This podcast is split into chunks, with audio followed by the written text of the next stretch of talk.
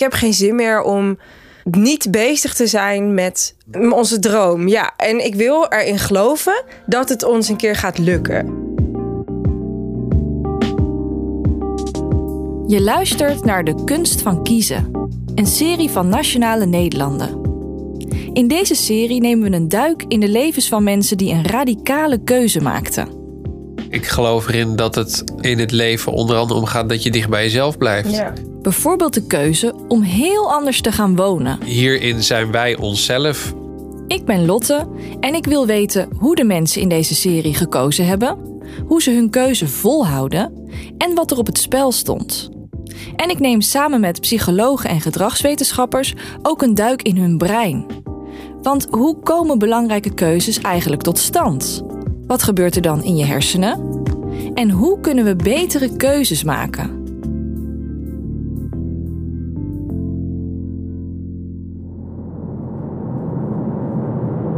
Ik ga langs bij Remco en Lieselot.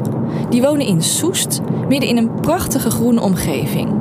Ik kreeg van hen een adres van een vakantiepark en de boodschap dat ik even moest bellen als ik er was. Kijk, Lieselot. Hoi. Hallo Lieselot, ik ben bij de ingang van het park. Goedemorgen. Oké, ik heb je een kaartje gestuurd. Snap je die of niet? Een kaartje. Oh, wacht. In Op wat... de app. Even kijken hoor. Ehm, snap ik die? Parkeren, ingang. Dus ik Ehm, parkeer ja. hier en ik loop gewoon naar nummer 9. Als je op een gegeven moment, je ziet hem er echt al bovenuit toren. Dus als je helemaal bij dat ingangetje bent, dan loop je zo eh, naar ons toe. Ik loop een park op waar caravans staan, maar ook stelvolle kleine huisjes. En ik kom zelfs langs een zwembad en langs een bord met Pas op, spelende kinderen. Hier moet ik denk ik zijn. Lieselot en Remco wonen in een klein huisje op wielen. Een houten piepelwagen met zachtgroene kozijnen. Hallo. Hey. Via een klein trapje Oh. en een soort mini-veranda kom je bij de voordeur. Hi. Goedemorgen. En om de wagen heen staan planten en boompjes. Heel leuk. Remco leidt me rond door de binnenkant van het huisje. Wij slapen dus in een bedstee eh, met z'n tweeën. De bedstee is ongeveer zo breed als een twijfelaar. Als je eerst op de bank in de eethoek gaat staan, kan je er zo instappen. Je kijkt eh, vanuit de bedstee eh, zo door het raampje naar buiten. Je hoort de regen op het dak vallen. Als de wind hard waait, dan schommelt die een beetje heen en weer. Naast de bedstee is de kamer van Cato, hun dochter van 2,5. Een van de dingen die we heel belangrijk vonden, eh, dat Cato een eigen kamer zou hebben. Lieselot zet thee in de keuken, die is gemaakt van een oude gymvloer. En er is ook een kleine badkamer en een kast waar alle kleding hangt, maar waar ook de voedselvoorraad staat. Het voelt als een compleet huis en toch is het maar 20 vierkante meter.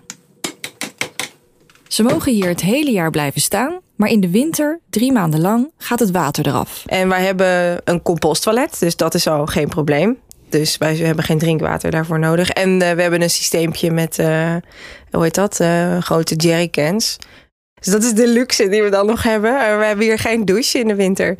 Dus we zijn nu bezig, wel voor komende winter, met een systeem met regenwater. Het eindeloze water houdt dan even op. Voordat Remco en Lieselot in hun tiny house trokken, woonden ze in een heel normaal rijtjeshuis. Met een tuin. In Hilversum. Eigenlijk is het zelfs wel zo dat we in eerste instantie al geen rijtjeshuis wilden. Als ze fantaseerden over hun ideale huis, dan zag dat er heel anders uit. Eh, nou, onze allergrootste droom is een, een ecologisch huis zelf gaan bouwen op een eigen stuk grond. Er zijn allerlei verschillende manieren waarop je dat zou kunnen bouwen. Wij zouden, denk ik, voor hout bouwen willen gaan. En dan kunnen we voor een gedeelte dat ook zelf doen. Met, ja, het liefst zelfvoorzienend. Eh, dus zonnepanelen, eh, dingen als... Meer water opvangen. Ja. Eh, ja, met een moestuin en blo- bloemen. en een fijne werkplaats in de tuin. Maar goed, we zijn ook reëel. we waren net afgestudeerd. Starters. Starters. En zo waren ze dus toch in dat rijtjeshuis beland. We merkten vooral in de loop van de tijd dat het toch een wijk was waar we ons niet helemaal gelukkig voelden. Zeker toen op een gegeven moment onze dochter kwam. Dat je ook eh, met, nachtrust eh, dat, dat soort dingen heel belangrijk vindt. En En toen hebben we wel een keuze gemaakt van ja, we zijn hier niet meer gelukkig. Uh, we gaan dat ergens anders zoeken. Waar anders, dat weten ze nog niet. Maar ze besluiten het huis alvast te koop te zetten. En ja, een mooi huis in Hilversum, dat ben je zo kwijt. Ja, dat ging dus eigenlijk best wel snel. En toen hadden we nog niet helemaal bedacht van, oh ja, en nu? Uh, hadden we gelukkig redelijk wat tijd om, uh, want we hoefden er niet direct uit. Dus we hadden nog een aantal maanden voordat echt de sleuteloverdracht was. Uh, zijn we verder gaan zoeken. Wat zijn onze opties? Misschien, denken ze, kunnen we alvast een kavel vinden voor ons zelfgebouwde duurzame huis. En als we dan gewoon beginnen met bouwen, dan kunnen we een klein tijdelijk huisje op ons bouwterrein zetten om in te wonen. Een huisje dat niet te veel geld kost en makkelijk te verplaatsen is. Ik heb altijd al kleine huizen heel uh, fijn gevonden. En uh, toen ik klein was, maakte ik dus ook van kartonnen dozen huizen waar ik dan wekenlang in woonde. En keukentjes en dingen. En ik... Lieselot heeft ooit als tentenbouwer bij de parade gewerkt. Die hebben echt die oude zigeunerwagens. Die echt een mooie grote. Die zaten bij hun echt achter een tractor en daar sliepen zij in. En uh, die vond ik toen al echt fantastisch. En altijd al gedacht, oh, dat zou ik ook wel willen ooit. Dus het moest nu een piepelwagen worden. Ja, daar kwam het dan op neer. Met het idee van de piepelwagen als tijdelijk huis in hun achterhoofd gaan ze op zoek naar een stuk grond om hun droomhuis te bouwen. We hebben een stuk grond gevonden. En daar zijn we ook gaan kijken. Dat hebben we bijna gekocht. Maar het zat uiteindelijk aan zo'n drukke weg. En de twijfel was zo groot dat we het toch niet gedaan hebben. En toen ineens dachten we, wat nou als we wel de pipowagen doen, maar niet dat stuk grond. Maar ik wil nog even terug hoor, want jullie weten van nou, hier worden we niet gelukkig van. We kunnen wel weer naar een ander rijtjeshuis, maar dat was eigenlijk ook nooit onze droom. Dus we willen iets gaan bouwen. Ja. Die volg ik. Dan is, zou een, een, een pipowagen of iets op wielen zou een oplossing kunnen zijn om de tijd te overbruggen van de bouw. Ja. Die volg ik ook nog. En toen haakte je af. nou, en wat, wat we eigenlijk dachten... Ik, we hadden eigenlijk allebei... Ik heb geen zin meer om... Um, niet bezig te zijn met een huis bouwen. En droom. onze droom, ja. En ik wil erin geloven dat het ons een keer gaat lukken. En ik wilde dus ook niet meer in een positie komen. We wilden niet meer in een positie komen. waarin je te makkelijk terugglijdt in. Oh, maar nu hebben we dit. Laten we dan nu nog maar even dit uh, volhouden, afwachten, bladibla. En als we heel veel geld aan huur kwijt zouden zijn, dan konden we niet sparen. Ja, wij vinden het nog steeds heel logisch dat we het zo hebben aangepakt, omdat we daarmee alle kanten op kunnen, nog steeds. Het is eigenlijk een soort tussenstap om je droom voor een lange termijn dichterbij te halen. Eigenlijk wel, ja. Dit is ook ons thuis. Dus we zitten nu in ons thuis en we wachten op een volgend thuis. En het is een ontzettend lange termijnplan. Alleen het, het is meer van ons of zo. Het is meer een eigen keuze, een eigen pad kiezen. Ondanks dat het niet gangbaar is. En, en er heel veel mensen het ook niet begrepen. En uh, ik vind het nog steeds heel logisch voelen op de een of andere manier. Ja. Ze hebben veel meer de mogelijkheid om dingen te doen zoals zij het willen. En ze worden veel, in veel mindere mate vastgehouden door een hypotheek. Dit is Frank. Frank van Harveld en ik ben uh, hoogleraar sociale psychologie aan de Universiteit van Amsterdam. Hij doet daar onderzoek naar het maken van keuzes. Volgens Frank zijn autonomie en controle daar belangrijke factoren bij. En je moet niet onderschatten hoe belangrijk dat voor mensen is. Mensen zijn bereid om ver te gaan om uh, controle te houden over, uh, over dingen. Denk even aan, uh, je bent een hotel aan het boeken. En je kan kiezen of je boekt het hotel ehm, met de mogelijkheid nog af te zeggen. Of zonder die mogelijkheid om, om nog te veranderen. Dan kun je die, die kamer voor een stuk minder geld krijgen als je bereid bent om je vast te leggen, om je te committeren aan je keuze. Je moet meer betalen voor die keuzevrijheid. Maar dat zijn mensen dus ook bereid om te doen. Want mensen willen die autonomie, willen die vrijheid, willen het gevoel hebben dat ze, ja, dat ze op ieder moment nog op de rode knop kunnen drukken en de boel, de boel weer om kunnen draaien. Dat maakt de vrijheid die zo'n piepelwagen je biedt heel aantrekkelijk, zegt Frank. dat er ook nog andere deuren zijn waar je doorheen kan. Dat, uh, dat, dat laten ze wel heel duidelijk zien. Dat dat ook wel belangrijk is. Dat, dat ze niet nu voor altijd in die pipowagen wonen. Daarnaast denk ik dat ook dat gevoel van controle tastbaar wordt. Want je, je, je, je merkt dat je met dat koude water dat je dan prima om kan gaan. Dat, dat is ook een soort bekrachtiging van het gevoel van kijk, ik kan dit gewoon. Ik kan gewoon mijn leven op een andere manier uh, invullen. Ik kan het allemaal zelf. Dus het is ook het, het, is en die droom die komt dichterbij, maar het is ook een, uh, in, in, op een andere manier belonend. Namelijk van kijk, ik heb hier de zaken zelf in de hand. Toen het idee eenmaal bij hen opkwam om de bouwkavel even te vergeten en te focussen op de pipowagen. Toen ging het heel snel. Ik had pipowagen ingetypt en toen kwam er een bedrijf op een kwartiertje rijden uit. En zijn agenda liep ook redelijk vol. En toen kwam er wel op een punt, ik weet nog geloof ik een vrijdagmiddag, uh, van ja, dat hij zei: Ik moet het nu weten, want anders ga ik anderen inplannen. En ik kon uiteindelijk, merkte ik niet goed een keuze maken van gaan we er nou voor of niet. Ja, toen de knoop doorhakken, dat heb jij gedaan. Maar ja, we gaan het gewoon doen. Dat, dat, uh, dat Lieselot ook... Oké, als jij het zegt, dan doen we het. Ja. Ja, want toen we het besloten hadden, toen heb ik het ook gerealiseerd. Dus toen ben ik ook met die piepenwagenman. Ja. En toen ben ik ook gaan timmeren. Dat is ook wel onze dynamiek. Er, er is een soort uh, verdeling. Ja, het is ook een soort verantwo verantwoordelijkheid delen, toch? Voor de, voor de beslissing. Dat is denk ik wel heel belangrijk. Op het moment dat een van de twee uh, schoorvoetend akkoord gaat, dan is natuurlijk wel de, de basis gelegd voor een uh, relatiecrisis op het moment dat het de verkeerde beslissing blijkt te zijn. Ja, precies. Want dan komt het allemaal weer naar boven. En we zitten hier ook wel in die caravan door jou. Ja, ik zei het toch. Ja. Dat krijg je dan allemaal. ja, precies. Dat ze er samen achter stonden, dat was natuurlijk een voorwaarde. Maar voor de steun vanuit hun omgeving ligt dat anders. Ja, ik, ik ben wel gevoelig voor wat mensen ergens van vinden. Uh, los van dat ik me daar dan niet door laat leiden. Veel mensen hebben zorgen. Uh, ook vanuit of, goede bedoelingen. Ja, absoluut. Ja, echt wel, echt. Het is of, toch of zorgen maken. Zorgen maken van, uh, zit je er straks wel warm bij in de winter? Je hebt wel een kindje. Hoe ga je dat dan doen? Ja, en mensen zijn denk ik toch ook geneigd om vanuit hun eigen referentiekader naar iets te kijken. En als je iemand bent die heel erg die behoefte heeft aan... ik wil weten dat ik een hypotheek en dat ik die kan betalen... en iedere dag naar mijn werk kan gaan... en dat soort veiligheid zoekt in je leven... ja, dan kan ik me heel goed voorstellen dat als je dan van ons hoort...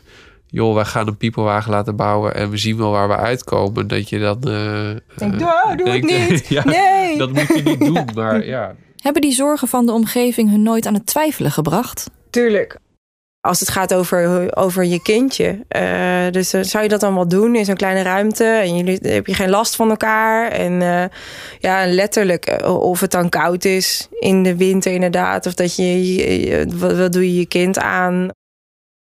Dat zijn wel, wel heftige uitspraken.